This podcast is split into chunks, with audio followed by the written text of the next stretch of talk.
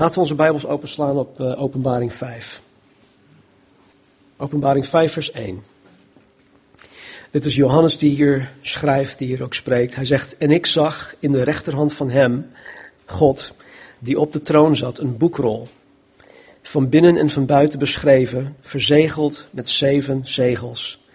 En ik zag een sterke engel die met luide stem uitriep: Wie is het waard de boekrol te openen en zijn zegels te verbreken? Maar er was niemand in de hemel en ook niet op aarde of onder de aarde die de boekrol kon openen of hem inzien. En ik huilde erg, omdat er niemand werd gevonden die het waard was die boekrol te openen, te lezen of in te zien. En een van de ouderlingen zei tegen mij: Huil niet. Zie, de leeuw die uit de stam van Juda is, de wortel van David, heeft overwonnen om de boekrol te openen en zijn zeven zegels te verbreken. En ik zag en zie, te midden van de troon en van de vier dieren en te midden van de ouderlingen stond een lam als geslacht, met zeven horens en zeven ogen. Dat zijn de zeven geesten van God die uitgezonden zijn over heel de aarde. En het kwam en het heeft de boekrol genomen uit de rechterhand van hem die op de troon zat. En toen het de boekrol genomen had, wierpen de vier dieren en de 24 ouderlingen zich voor het lam neer. Ze hadden elk een citer en gouden schalen vol reukwerk. Dit zijn de gebeden van de heiligen. En ze zongen een nieuw lied en zeiden: U bent het waard om de boekrol te nemen en zijn zegels te openen, want u bent geslacht en hebt ons voor God gekocht met uw bloed, uit elke stam, taal, volk en natie. En u hebt ons voor onze God gemaakt tot koningen en priesters, en wij zullen als koningen regeren over de aarde. En ik zag en hoorde een geluid van vele engelen rondom de troon van de dieren en van de ouderlingen. En hun aantal bedroeg tienduizenden, tienduizendtallen. En duizenden, duizendtallen. En ze zeiden met luide stem: Het lam dat geslacht is, is het waard om de kracht te ontvangen en rijkdom en wijsheid en sterkte, eer, heerlijkheid en dankzegging. En elk schepsel dat in de hemel op de aarde, onder de aarde en op de zee is. En alles wat daarin is, hoorde ik zeggen aan hem die op de troon zit en aan het lam, zij de dankzegging, de eer, de heerlijkheid en de kracht in alle eeuwigheid. En de vier dieren zeiden Amen. En de 24 ouderlingen wierpen zich neer en aanbaden hem die leeft in alle eeuwigheid. De schrijver van Openbaring is de apostel Johannes. Een van de twee vissers die Jezus riep. En deze Johannes werd door God opgenomen in de hemel. En hij kreeg een kijkje in de toekomst. Hij mocht zien wat er in, in, in de hemel zou gaan gebeuren. In vers 1 ziet hij God de Vader gezeten op zijn troon. En God de Vader heeft een verzegelde boekrol in zijn rechterhand. Het is verzegeld met zeven zegels. Dat wil zeggen dat het volledig verzegeld is. En dat niemand het kan openen behalve de rechtmatige eigenaar. Vervolgens wordt er vastgesteld dat er niemand is, nog in de hemel, nog op de aarde, die gemachtigd is om de zegels te verbreken, om deze boekrol te kunnen openen. Er was niemand gevonden. En daarom staat er ook dat Johannes huilde, omdat er niemand was. En het boekrol dat is, is, is versleuteld en niemand heeft toegang tot de inhoud van het boekrol. Maar in vers 5 staat er dit. En een van de ouderlingen zei tegen mij, huil niet. Zie, de leeuw die uit de stam van Juda is, de wortel van David, heeft overwonnen om de boekrol te openen en zijn zeven zegels te verbreken. Jezus heeft overwonnen. In vers 9 en 10 staat er dit. En ze zongen een nieuw lied en zeiden, u, dus u Jezus, bent het waard om de boekrol te nemen en zijn zegels te openen, want u bent geslacht en hebt ons voor God gekocht met uw bloed. Uit elke stam, taal, volk en natie. En u hebt ons voor onze God gemaakt tot koningen en priesters en wij zullen als koningen regeren over de aarde. In deze hemelse scène zien wij dat Jezus Christus de enige is, de enige, die de sleutel heeft om de zegels van dit boekrol open te breken en om toegang te krijgen tot de inhoud. Hij is de enige. Allah niet, Boeddha niet, geen enig andere God. Alleen Jezus Christus was. Hij is de enige die heeft overwonnen. En het gevolg daarvan is dat de hele hemelse bevolking, tienduizenden, tienduizendtallen, mensen, dat zijn heel veel engelen, ontelbaar. Afgelopen zondag stond ik even in de gang te praten met Joram eh, de Bruin. Hij zegt, ik kan tot honderd tellen. Hij zegt, nou, als, je, als jij tot honderd kan tellen, dan kan je tot ontelbaar tellen. Ja, wat is dat dan? Nou, als je met één begint, ga maar door. 100, 200, 300 en dan ga je naar 1000. Ja, maar dat duurt wel heel lang. Ja. maar het zijn gewoon. Uh, de, de, getal is, zo, is gewoon ontelbaar. En we zien dat deze hele hemelse bevolking Jezus Christus de eer geeft en Hem ook met heel hun wezen aanbidden. Nou, waarom is dit zo belangrijk? Waarom is, is het zo belangrijk dat God vanaf dit hoofdstuk, hoofdstuk 5, tot eigenlijk tot aan het eind van het boek Openbaring, aandacht besteedt aan wat er in dit boekrol geschreven staat? En wat voor document is dat nou? What's the big deal? Deze, boekrol. Nou, vorige week begon ik de preek. En ik begon te, te zeggen dat, dat God in Genesis 2 de heerschappij over de aarde aan Adam had gegeven. En dat Adam de heerschappij verbeurde door tegen God te zondigen. Vervolgens had God de schepping vervloekt. Satan werd de rechtmatige heerser over de aarde. En wat is trouwens nu nog steeds de stand van zaken. Maar Jezus Christus is zo'n 2000 jaar geleden naar de aarde toegekomen om zichzelf aan de mensheid te tonen als de lang verwachte Messias, de Christus, degene die de vloek van Genesis 3 ongedaan kan maken.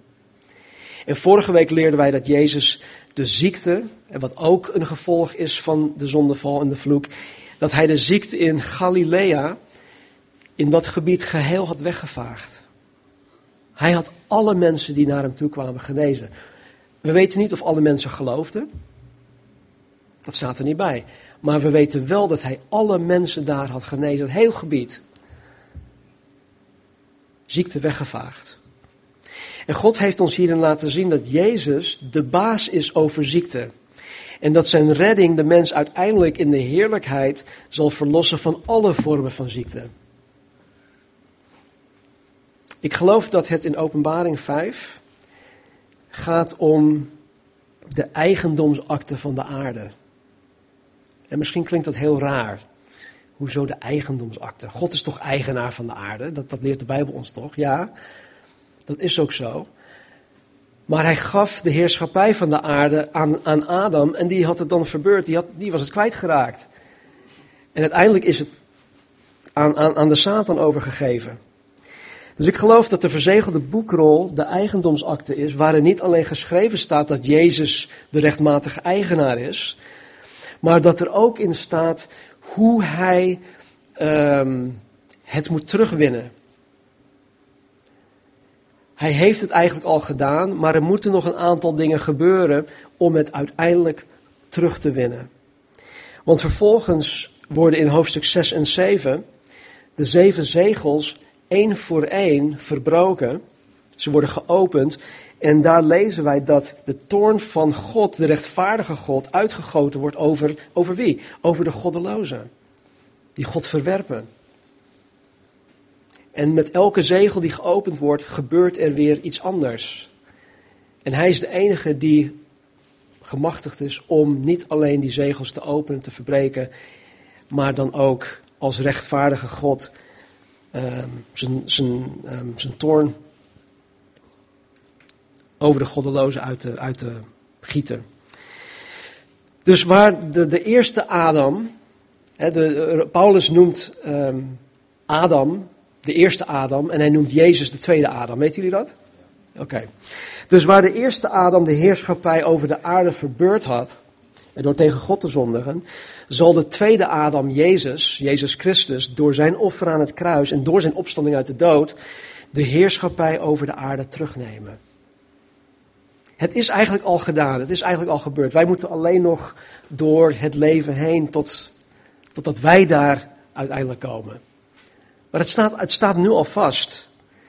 Jezus heeft als het ware de eigendomsakte van de aarde uit de handen van Satan genomen en heeft het zich toegeëigend als de rechtmatige eigenaar. Jezus is eigenaar. Dit heeft Jezus overwonnen.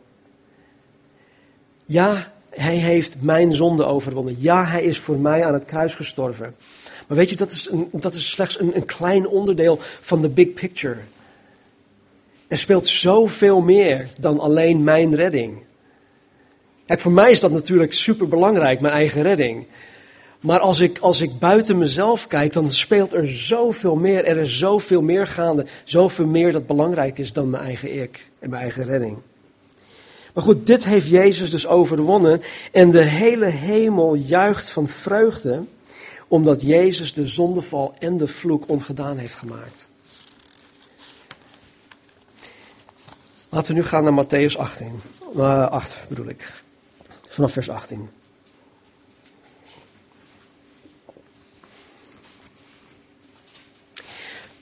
En er staat in vers 18, toen Jezus een grote menigte om zich heen zag, gaf hij bevel naar de overkant te varen. En er kwam een schriftgeleerde naar hem toe en zei tegen hem, meester, ik zal u volgen waar u ook heen gaat. Jezus zei tegen hem, de vossen hebben holen, de vogels in de lucht hebben nesten, maar de zoon des mensen heeft niets waarop hij het hoofd kan neerleggen. Een ander uit zijn discipelen zei tegen hem, Heer, sta mij toe dat ik eerst wegga en mijn vader begraaf. Maar Jezus zei tegen hem, volg mij en laat de doden hun doden begraven. Nou, in vers 18 zien wij dat Jezus een grote menigte om zich heen zag. En hij gaf bevel om naar de overkant van het meer Galilea te varen. Ze waren nu aan de westelijke kust van het meer en hij wilde naar de oostelijke kust toe gaan. En ik geloof dat wij hier een heel duidelijk de menselijke kant van Jezus kunnen zien. Ja, Jezus was 100% God, maar hij was tegelijkertijd ook 100% mens. En hij was blijkbaar erg vermoeid. Hij was blijkbaar helemaal op, zoals wij dat zeggen. En van alle hectiek, van alle genezingen, van alle mensen om zich heen. En wetende dat de menigte ja, helaas alleen maar oppervlakkig in hem geïnteresseerd was, wilde Jezus even gewoon een moment van rust zoeken. Hij zei, jongens, laten we naar de overkant toe gaan. En terwijl, zich, terwijl Jezus zich gereed maakt om de boot in te gaan, stappen er een aantal mannen op hem af. En een van deze mannen is een schriftgeleerde. Vers 19. Een schriftgeleerde kwam naar hem toe en zei tegen Jezus: Meester, ik zal u volgen waar u ook heen gaat. Het is ten eerste heel apart dat een schriftgeleerde überhaupt naar Jezus toe gaat en, en dit tegen hem zegt. Want alle andere schriftgeleerden die, die geloofden niet in Jezus, die waren zelfs boos op Jezus. Want ja, Jezus bedreigde hun, hun uh, ja, hoe zeg je dat? Hun ding. en, en ja, de, de, de, alle andere schriftgeleerden die, die haten Jezus eigenlijk. Maar deze, gaf aan dat hij met Jezus mee wilde gaan. Hij wilde met Jezus meegaan op zendingsreis, laat ik het even zo zeggen. Hij gaf aan dat hij Jezus wilde dienen, dat hij samen met Jezus wilde rondtrekken. Maar Jezus, die dwars door deze man heen kijkt, en die de harten van de mensen doorgrondt, die op dit moment ook op het punt stond om de boot in te stappen, hij, hij wond er geen doekjes om. Hij, hij zegt tegen hem in vers 20: De vossen hebben holen, de vogels in de lucht hebben nesten, maar de zoon des mensen heeft niets waarop hij het hoofd kan neerleggen. Dat, is een hele, hele rare uh, manier om deze man te beantwoorden. Die man die komt volgens mij laaiend enthousiast naar hem toe van, hey, ik wil met u mee. Take me, take me. Ik wil heel graag met u mee. En dan zegt Jezus dit. Maar ik geloof dat, dat Jezus dit, dit antwoord geeft omdat Jezus door alles heen prikt. Hij heeft geen tijd om, om lang met deze man in gesprek te gaan. Hij stond op het punt om naar de overkant toe te varen. Die man komt op hem af. Jezus prikt er meteen doorheen en hij, en hij zegt tegen hem: uh, waar het om draait, waar het bij deze man om draait. Jezus zegt dat hij zelf, ja, Jezus zegt, joh, luister, luister heel goed, ik ben op missie, ik heb een missie van de Vader gekregen. En alhoewel de vossen en de vogels hun onderkomen hebben, heb ik die niet. Weet je, ik, ik, toen ik, ik heb hier zoveel maal overheen gelezen. Maar ik geloof wat Jezus hier nou zegt, is dat hij zegt, luister, ik ben dakloos, wil je echt met me mee? Jezus was hier, was, was, was dakloos. We zien dat Jezus bij Petrus over de vloer kwam. Dat lazen we vorige week. We zien ook door de evangelie heen dat hij bij, bij Maria en Martha, bij Lazarus thuis over de vloer komt, bij, uh, bij die uh, fariseer. Hij komt bij mensen over de vloer, maar nergens lezen wij dat Jezus even naar huis ging. In Johannes 7 en 8 zien wij dat de discipelen op een gegeven moment allemaal naar hun eigen huis toe gingen. Maar er staat dat Jezus niet naar een huis of zijn huis ging. Nee, er staat dat Jezus ging naar de Olijfberg. En de Olijfberg was geen, hoe noem je dat? Een uh, Landel Green Park of een, uh, iets dergelijks. Nee, het, het was wildernis. De Olijfberg. Jezus had daar echt geen onderkomen. In Lucas 5:16 lezen we dat Jezus zich regelmatig terugtrok in de wildernis. Jezus trok rond als een dakloze. Dus ondanks dat de schriftgeleerde ook met de beste bedoelingen zegt: Meester, ik zal u volgen waar u ook heen gaat, haakt hij helaas toch af, want er, is, er, is, er wordt verder nooit meer over deze man gesproken. En ik geloof dat hij afhaakte omdat hij de comfort van zijn eigen leven niet wilde opgeven. Daarom zei Jezus: hè, Vossen hebben holen, uh, vogels hebben nesten, maar ik heb helemaal niks. De comfort waar jij zo gewend aan geraakt bent. Hè, warm bedje, kussen, een onderdak. Dat heb ik allemaal niet. Weet je het zeker? Weet je, al te vaak hoor ik christenen zeggen dat ze nooit hun bestaand leven met al hun gemakken zouden willen opgeven om bijvoorbeeld de zendingen te gaan. Ik was onlangs in januari in, uh, in Murrieta, Californië, een zendingsconferentie. En er zijn er ook mensen bij die komen die of zendelingen ondersteunen of die aan het, beetje aan het oriënteren zijn op, op zendingen en dat soort dingen. En dan komen ze naar je toe alsof je een held bent of zo, omdat je missionary bent. Maar het, dat is eigenlijk zo'n kromme gedachte, want we zijn helemaal geen helden. Wij mogen de koning der koningen dienen. Degene waar we net over lazen in, in, in openbaring 5, wij mogen hem dienen. Wij mogen hem dienen. En vaak hoor ik mensen zeggen, ja, ja maar weet je, dat, nou dat zou ik nooit kunnen, petje af voor jou hoor. Dat zou ik nooit kunnen, zomaar met een gezin van 6000 uh, dollar in, in, in je portemonnee, zomaar naar een vreemd land, land toe gaan, zonder dat je weet dat je onderdak hebt, zonder dat je weet dat je, zonder enige zekerheden. Dat zou ik nooit kunnen.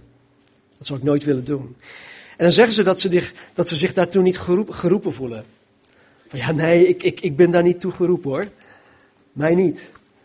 Of ik niet. Er zijn zat christenen die niet eens een week vakantie zouden willen opgeven of opnemen om de Heer ergens te gaan dienen. Er zijn ook christenen die veel meer van hun tijd aan de Heer zouden kunnen geven. Maar omdat zij een bepaalde lifestyle in stand willen houden, zijn ze genoodzaakt om veel geld te verdienen, waardoor ze meer uren moeten werken en vervolgens weinig, weinig of geen tijd hebben en energie hebben om, om de Heer te dienen. En ik denk dat dit allemaal is omdat zij de comfort, oftewel de voorkeur van hun levenswijze, hun lifestyle niet op willen geven. Ik, ik begrijp dat. Ik heb, ik heb jarenlang ook zo geleefd met die gedachte. Nee, dat zou ik nooit doen. Ik zou nooit terug naar Nederland willen komen. Op, vanaf het moment dat ik naar Amerika was geëmigreerd, ja, tot op het moment dat God me bij de kraag greep, had ik echt gezegd: van, ik ga nooit terug naar Nederland. Ik zal nooit naar Nederland toe gaan. Inmiddels ben ik er bijna 20 jaar. Weet je, het kromme ervan is dat deze mensen het geluk dat ze najagen eigenlijk missen. Het geluk dat ze najagen door dingen niet op te willen geven, daardoor missen ze het geluk. Want het geluk wat ze, wat ze denken na te jagen, dat ligt in het onvoorwaardelijk dienen van Jezus Christus. Weet jullie nog, toen wij de zaligsprekingen hadden behandeld? Elf zondagen lang. Zalig zijn. En zalig betekent dolgelukkig. Dolgelukkig zijn degenen die zich onvoorwaardelijk aan de Heer geven en die hem dienen. Vers 21. En een andere uit zijn discipelen zei tegen hem: Heere, sta mij toe dat ik eerst wegga en mijn vader begraaf. En hier zegt Matthäus dat deze man een discipel van Jezus is. Het woord discipel heeft op zich geen geestelijke betekenis. Het is niet zo dat als iemand uh, een discipel genoemd wordt, dat hij echt super geestelijk is. En ieder die de leer van een bepaalde rabbi volgt, wordt beschouwd als een discipel van deze rabbi. En de toewijding van een discipel aan zijn rabbi is gewoon geheel verschillend. Ja, dat zie je ook bij Jezus. Je ziet dat hij een, een, een soort van inner circle had. Johannes, Jacobus en Petrus. En dan zie je ook de andere van de, de, rest van de twaalf. En dan zie je daaromheen nog meer discipelen. En hun toewijding, dat, dat varieert. Dus deze man was een discipel van Jezus, maar hij was in de zin dat, een discipel in de zin dat hij de leer van Jezus aanvaarde, maar hij was niet een van de twaalf die Jezus persoonlijk gekozen had. En ook deze man geeft aan dat hij met Jezus rond wil trekken. Maar eerst zijn vader wil begraven, zei hij. Waarop Jezus tegen hem zegt, in vers 22, volg mij, volg mij en laat de doden hun doden begraven is weer zoiets. Dit klinkt ontzettend hard. Dit klinkt ontzettend liefdeloos. Maar nogmaals, Jezus weet wat in het hart van deze man leeft. Hij doorgrondt deze man. Hij weet precies wat deze man ermee bedoelt wanneer hij zegt: ja, maar wacht even, laat me eerst mijn vader begraven. Dat is trouwens een uitspraak wat in in die tijd, ik denk zelfs in deze tijd nog steeds, in het Midden-Oosten, uh, een bepaalde betekenis heeft. En het betekent niet dat uh, zijn vader per se op dat moment overleden is. Want ja, als, uh, als een Jood vandaag um, overlijdt, dan moet hij binnen 24 uur moet hij begraven zijn. Volgens mij geldt dat voor de moslims ook. Dus het was niet zo dat zijn vader net, net gestorven was. En dat hij zijn vader diezelfde dag nog moest begraven. Nee, wat deze man hiermee bedoelde, is dat hij wilde wachten totdat zijn vader gestorven was. zodat hij dingen kon regelen, zodat hij misschien de, de, de, de, de familiezaak nog kon runnen, en, enzovoort, enzovoort. Dus hij wilde wachten totdat zijn vader gestorven was, zodat hij zijn erfenis zou krijgen zodat hij dat kon vaststellen. Ik hoorde van, uh, van iemand die, uh, die ook over dit onderwerp sprak. Dat hij, uh, volgens mij was het in Turkije, dat hij iemand een, tegenkwam, een gesprek met die man aanging. En dat hij zei tegen van, nou, ik moet eerst mijn vader begraven. Maar toen zei hij, wat bedoel je daarmee? Ja, nou, ik, ik moet eerst nog een aantal dingen met, met, met mijn familie regelen. Ja, maar, nee, mijn vader die is nog kerngezond, die, die, die is pas 50 of zo. Snap je dus? Het, het, het was een, een, een bepaalde uitspraak die men deed. Maar goed, deze man wilde dus vaststellen dat hij zijn erfenis zou krijgen, dat hij alles nog zou kunnen regelen voordat hij met Jezus op reis zou willen gaan. Want ja, het kan heel goed zijn dat zijn vader niet eens op sterven lag. En omdat Jezus wist waar het bij deze man om draaide, zei Jezus tegen hem: Volg mij. Laat de doden hun doden begraven. Dat ten eerste Sorry. Ten eerste wil Jezus dat deze man alles achter zich laat om hem te volgen in de bediening. Hij zegt: Volg mij. In Lucas 69, dat is het parallel uh, verhaal, zegt Jezus in Lucas 9, vers 60, laat de doden hun doden begraven, maar u ga heen en verkondig het koninkrijk van God. Zo legt Lucas het vast. Weet je, Jezus is continu op zoek. Hij is continu op zoek naar christenen die alles dat hen zou kunnen belemmeren, achter zich willen laten om hem te willen dienen. Hij is continu op zoek. En ook in dit geval had Jezus liefst willen zien dat deze man dat ene ding dat hem tegenhield los zou laten om Jezus volledig te willen dienen en door een getuige voor Jezus te zijn. En om deze man te overtuigen om hem in de bediening na te volgen, zegt Jezus dat hij de geestelijke doden hun doden moeten laten begraven. Maar dat hij heen zou moeten gaan om een getuige te zijn. Wat bedoel ik daarmee met geestelijke doden? De Bijbel leert ons dat mensen die niet wedergeboren zijn, mensen die dus niets met God te maken en willen hebben, mensen die zijn heil afwijzen, die zijn geestelijk dood. De Bijbel noemt dat geestelijk dood.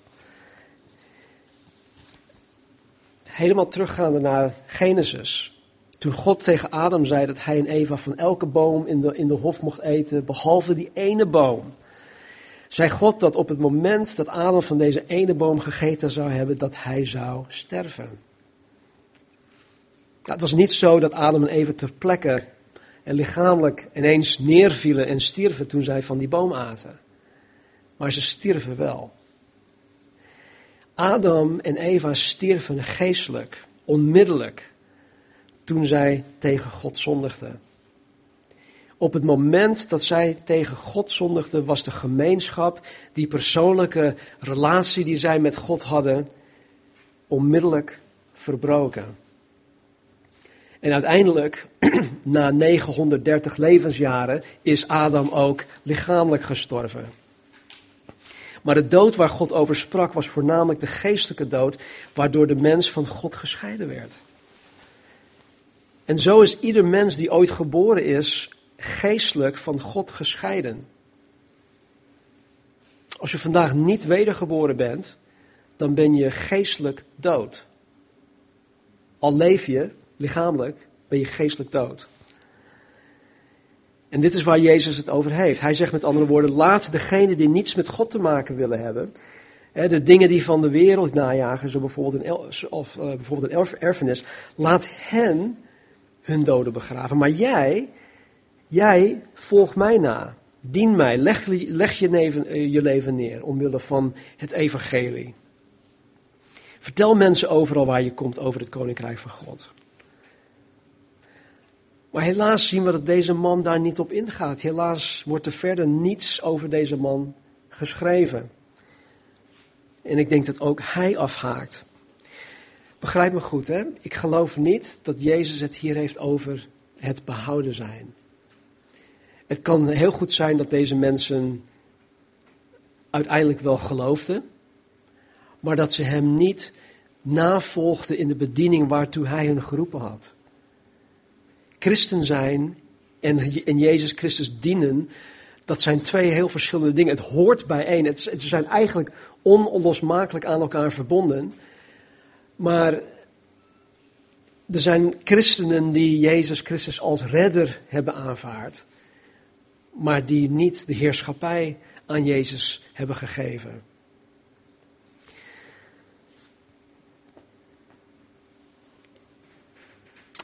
Jullie weten dit inmiddels. We zijn nu het zesde jaar ingegaan. Jullie weten dit. God spreekt ten eerste door zijn woord. Door de Bijbel.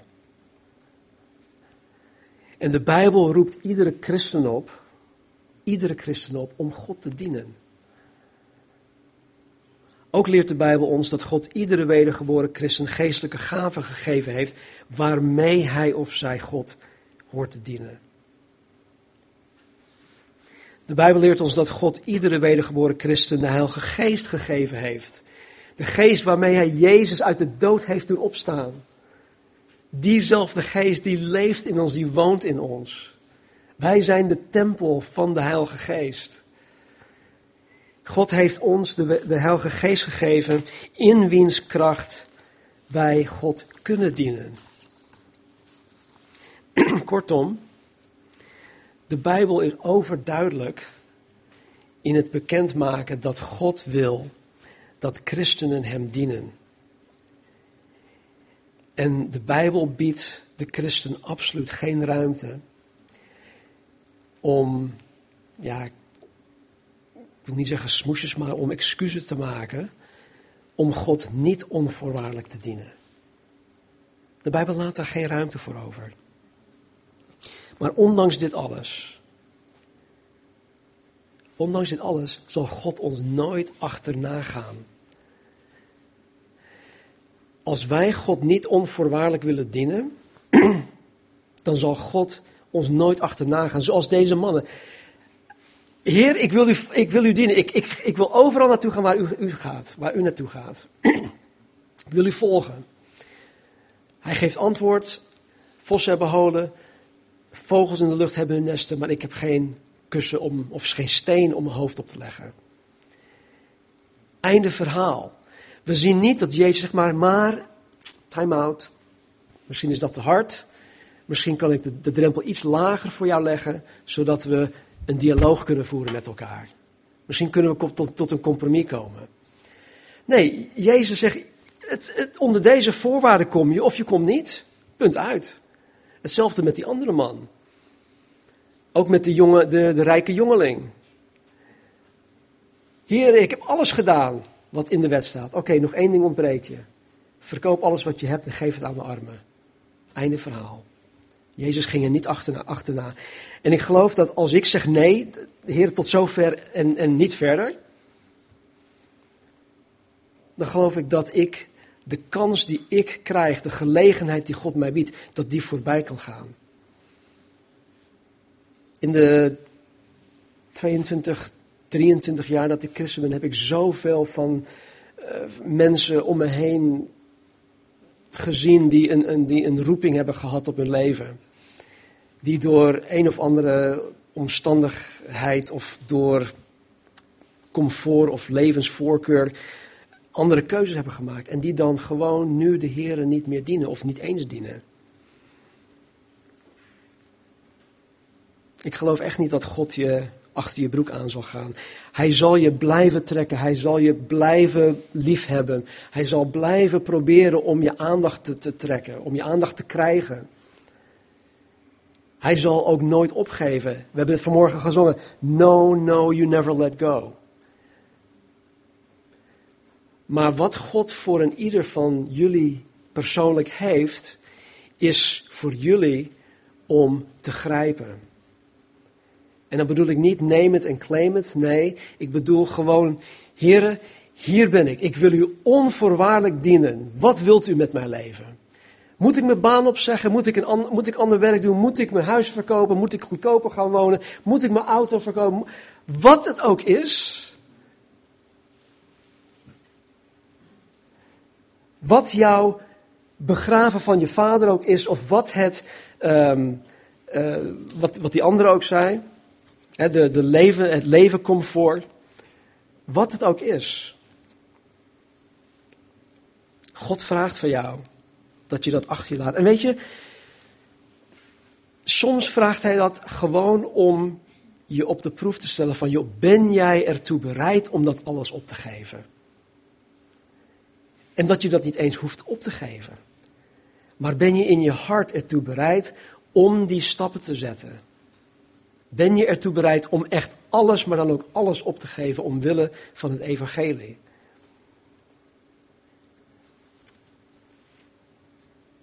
Jezus zegt aan het einde van hoofdstuk 9 dat de oogst wel groot is, maar dat er weinig arbeiders zijn. En naast het feit dat Jezus hier de waarheid spreekt, moet ik in dit geval helaas bekennen dat Jezus gelijk heeft. Want mijn waarnemingen en de statistieken liegen er niet om. Tot slot dit.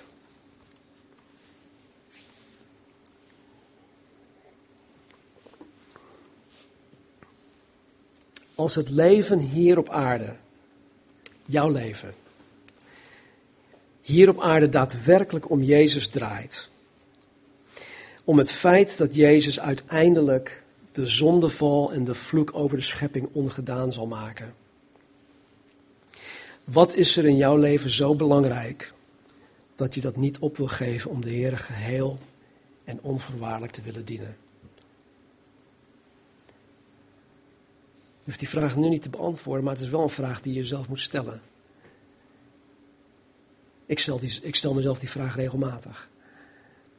Wat is er zo belangrijk in mijn leven dat ik de Heere niet geheel en onvoorwaardelijk wil dienen?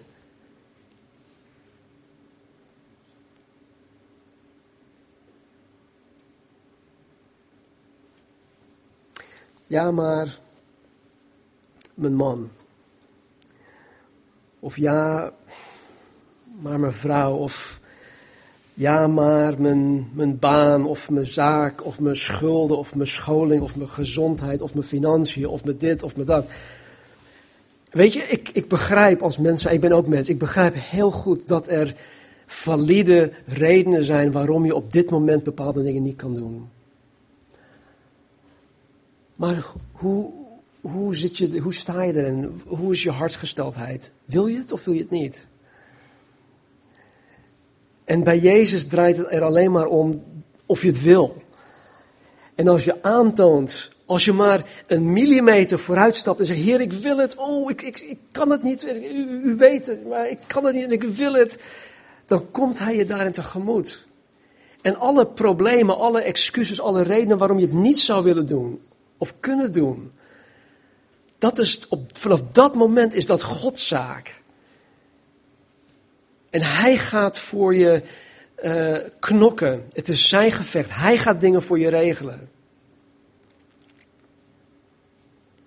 Laten we teruggaan naar openbaring 5. Dan sluiten we echt mee af.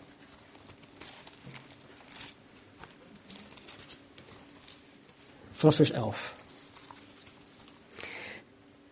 Johannes zegt hier: Ik zag en hoorde een geluid van vele engelen rondom de troon van de dieren en van de ouderlingen. En hun aantal bedroeg tienduizenden, tienduizendtallen en duizenden, duizendtallen. En ze zeiden met een luide stem, het lam dat geslacht is, is het waard om de kracht te ontvangen en rijkdom en wijsheid, sterkte, eer, heerlijkheid en dankzegging. En elk schepsel dat in de hemel, op de aarde, onder de aarde en op de zee is en alles wat daarin is, hoorde ik zeggen aan hem die op de troon zit en aan hem en aan het lam, zei hij de dankzegging, de eer, de heerlijkheid en de kracht in alle eeuwigheid. En de vier dieren zeiden amen en de 24 ouderlingen wierpen zich neer en aanbaden hem, die leeft in alle eeuwigheid.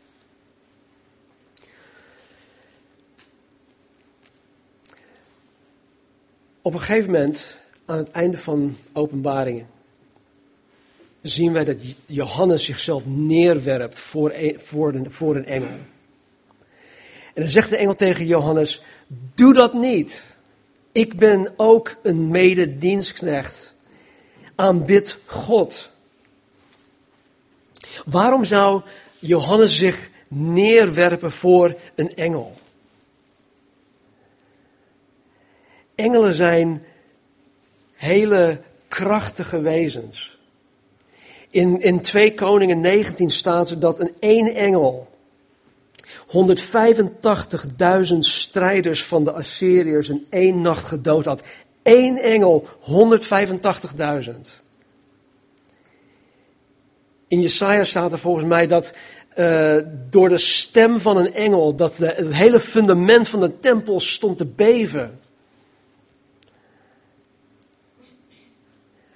Als engelen zo krachtig en zo machtig zijn. En, die, en, zij, zij uh, werpen zichzelf neer voor het lam dat geslacht was. Wie ben ik dan? Wie ben ik om, om te zeggen van nee heer, dat, dat wil ik niet. Ik vind dit veel belangrijker. Ik vind dat veel belangrijker. Wie ben ik om, om tegen God te zeggen, God die de, de vloek, die de zondeval helemaal ongedaan heeft gemaakt voor mij. Wie ben ik om tegen hem te zeggen van nee, Tot zover en niet verder. Sorry.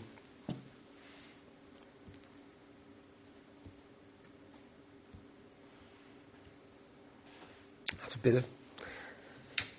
Vader, u bent zo genadig. U bent zo geduldig met ons. Heer, vergeef mij. Heer, in de dingen waarin ik u heb gefaald. Heer, misschien heb ik het nooit verbaal gezegd. Nee, niet verder dan, dan tot hier. Of, maar Heer, ik heb het zo vaak in mijn hart gedaan. Door mijn handelingen, door dingen die ik dacht. Dingen die ik wel gedaan heb of niet gedaan heb.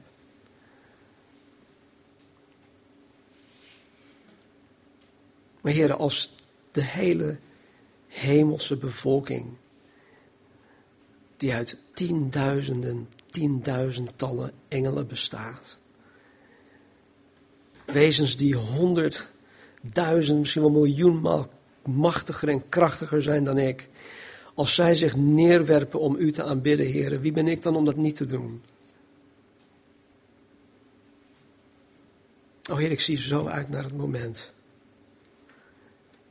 dat wij allemaal, Heer, en ieder in deze zaal,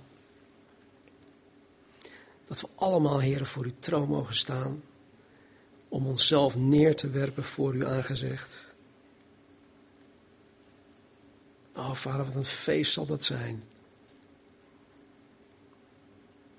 Help ons, Heer, om te volharden tot die tijd. Geef ons kracht. Help ons, Heer, om om ons leven onder de loep te nemen.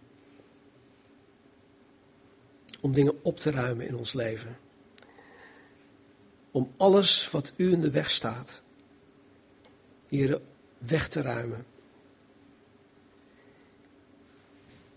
Ik las van de week iets over het kiezen tussen het goede en het allerbeste. En in Engels stond er: Good is the best worst enemy. Het goede is de grootste vijand van het beste. En God heeft alleen maar het beste voor ons voor ogen. En er zijn zelfs goede dingen in ons leven die Gods allerbeste belemmeren.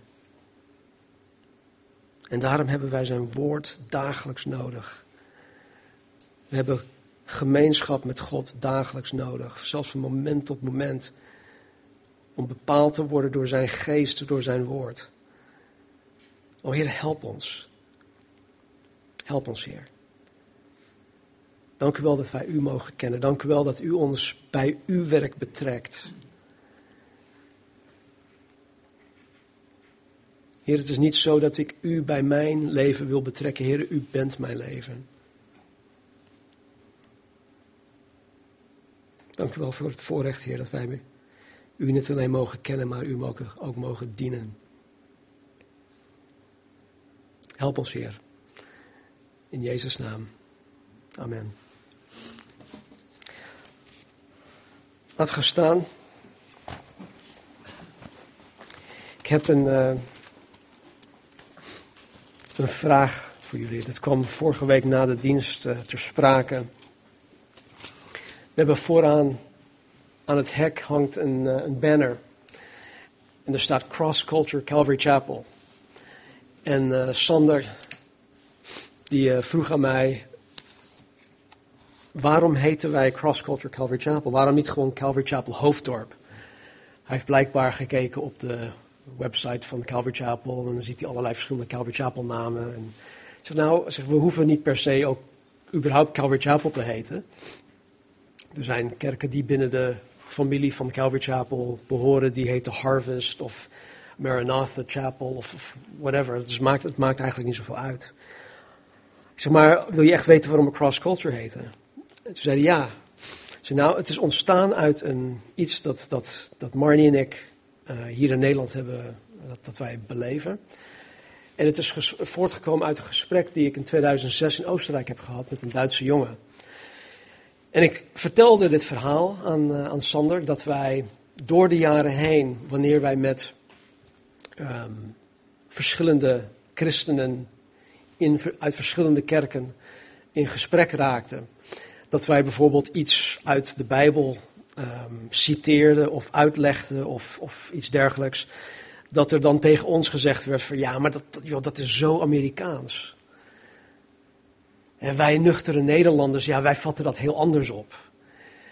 Met andere woorden, Amerikanen interpreteren de Bijbel anders dan de Nederlanders.